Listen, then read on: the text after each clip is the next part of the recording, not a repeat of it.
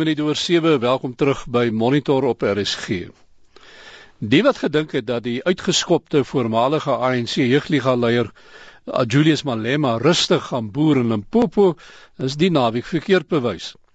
Malema is die enigste prominente figuur wat die stakende mynwerkers by Lonmin in Noordwes gaan toespreek het en hy soos 'n held ontvang. Ons praat daaroor met Theo Venter, politieke ontleder by Noordwes Universiteit. Theo, môre. Môre Kobus. Ek ek dink regtig as enigiemand gedink het uh, Malema gaan net verdwyn en sy beeste oppas in Limpopo dan ek het nou amper gesê dat jy iets gerook. ja, dit dit dit sê ons twee of drie goed. Die eerste een is dat die ANC het um, binne hulle strukture baie goeie beheer oor wie praat en wie praat nie. Ehm um, met ander woorde, daar was baie min ANC-lede wat in die, in die eerste plek toegelaat is, maar in die tweede plek kans gesien het om in die ehm um, moeilike omstandighede in te beweeg. Maar dit is waar dat uh, Malema het 'n helde ontvangs gehad en die interessante ding is mens na die naweek se beriggewing kyk, dan het ehm um, ehm um, dan het een nuus um, om baie meer prominensie gegee as enige een van die SAIK se kanale en as jy oor see gekyk het dan het CNN en BBC en Sky hom nog meer blootstelling gegee en baie groter prominensie gegee aan sy deelname want um, ek dink nie ehm um, luisteraars besef eintlik hoe groot nuus was die Marikana gebeurtenis op oorseese kanale as op plaaslike kanale nie. Malema het boonop uh, polisiebewaking van die hand gewys wat ook iets sê van die vertroue uh, wat hy gehad het uh dat hy veilig sou wees tussen hierdie gewapende mense.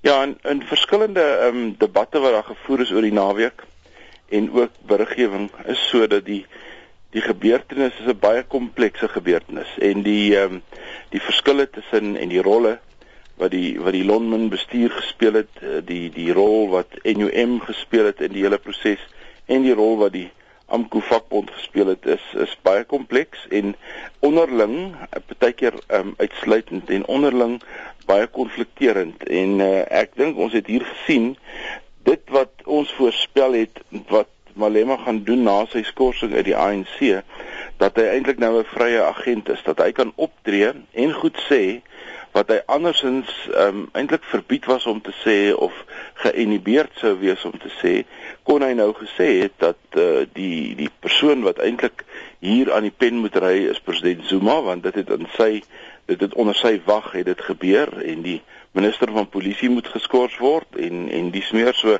hy hy begin nou baie sterker uitsprake maak en dit is populistiese soort uitsprake en natuurlik ook uitsprake wat die temperatuur op die grond of sal mens sê op die koppie ehm um, hier baie warmer gaan maak as wat dit normaalweg sou wees.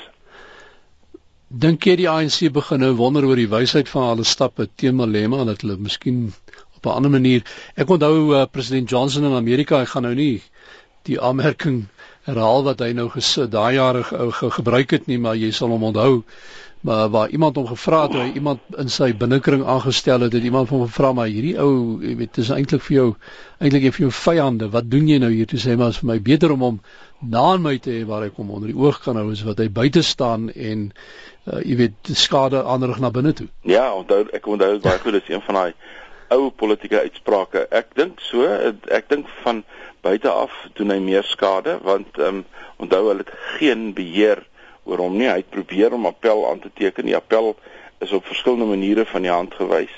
En al die uitsprake wat ehm um, uh, ANC-lede nie kan maak intern nie, word nou deur Malema gemaak ekstern.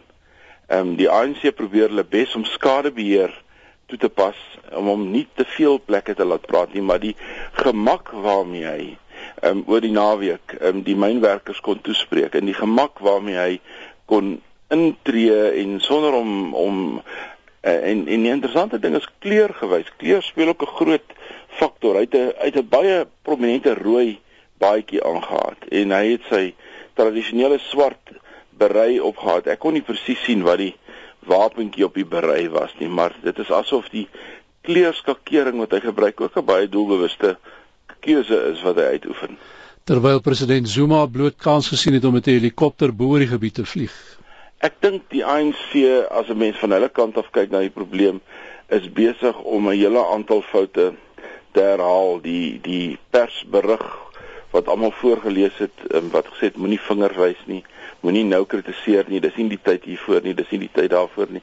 En dan so bietjie baie eentonig geklink omdat almal dieselfde voorgeles het. En dan natuurlik um, die aanwysing van 'n ministeriële um, raad van ondersoek onder leiding van Colin Shabani is natuurlik vir my 'n baie komplekse soort van 'n aanwysing bo en behalwe geregtelike um, kommissie van ondersoek nou weet ek nie of dit dieselfde is en of dat daar of daar daar uiteindelik twee kommissies van ondersoek gaan wees nie want die die verskillende ministers wat nou deel is van die raad van ondersoek soort van is eintlik die ministers wat voor 'n geregtelike kommissie behoort te gaan getuig.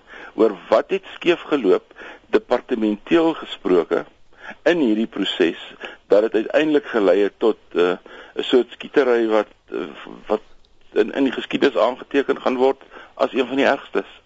Watter implikasies gaan hierdie vir Zuma hê in die optog nou na of die jy weet die hele mars na na eh, na na Mangaung toe die die leierskapstryd en sy hoop om 'n tweede termyn te hê. Kyk, daar is daar's twee kante. Die een kant is die polisie voel natuurlik baie aan bande gelê sedert die Tatane voorval in Ficksburg is hulle is hulle optrede en hoe hulle mag optree en wat hulle mag doen in in sulke krisisomstandighede is baie aan bande gelê en hulle voel dat hulle hulle vryheid, hulle handelingsvryheid word polities ingeperk en dan word hulle gedruk tot en met 'n punt waar waar omstandighede lei daartoe dat hulle skerpend ammunisie moes gebruik soos wat ons nou gesien het. So dis aan die een kant waar ek waar ek 'n uh, 'n bietjie simpatie het met die polisie oor hulle handelingsvryheid. Die tweede punt is natuurlik dat ehm um, saam met saamgelees met um allerlei um opstande en optogte en ehm um, uh, klein dorpies en en uh, optogte oor oor uh, diensverskaffing wat die hele land vol is.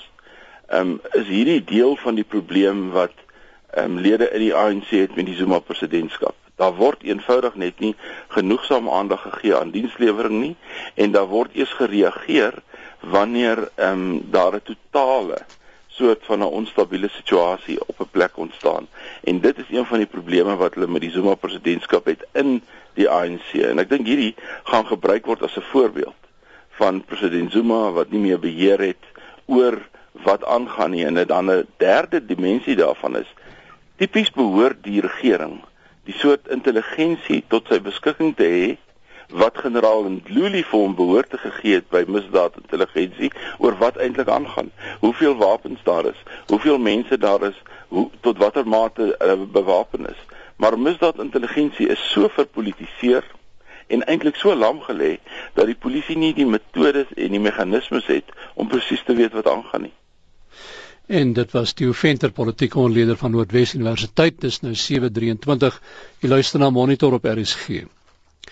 Die toenemende lugaanvalle op rebellevestings in Sirië beteken dat 'n nuwe, gevaarliker fase van die oorlog nou aanbreek. Aldus die Britse nuusagentskap Reuters wat breedvoerig berig oor die effek van die de facto oorlog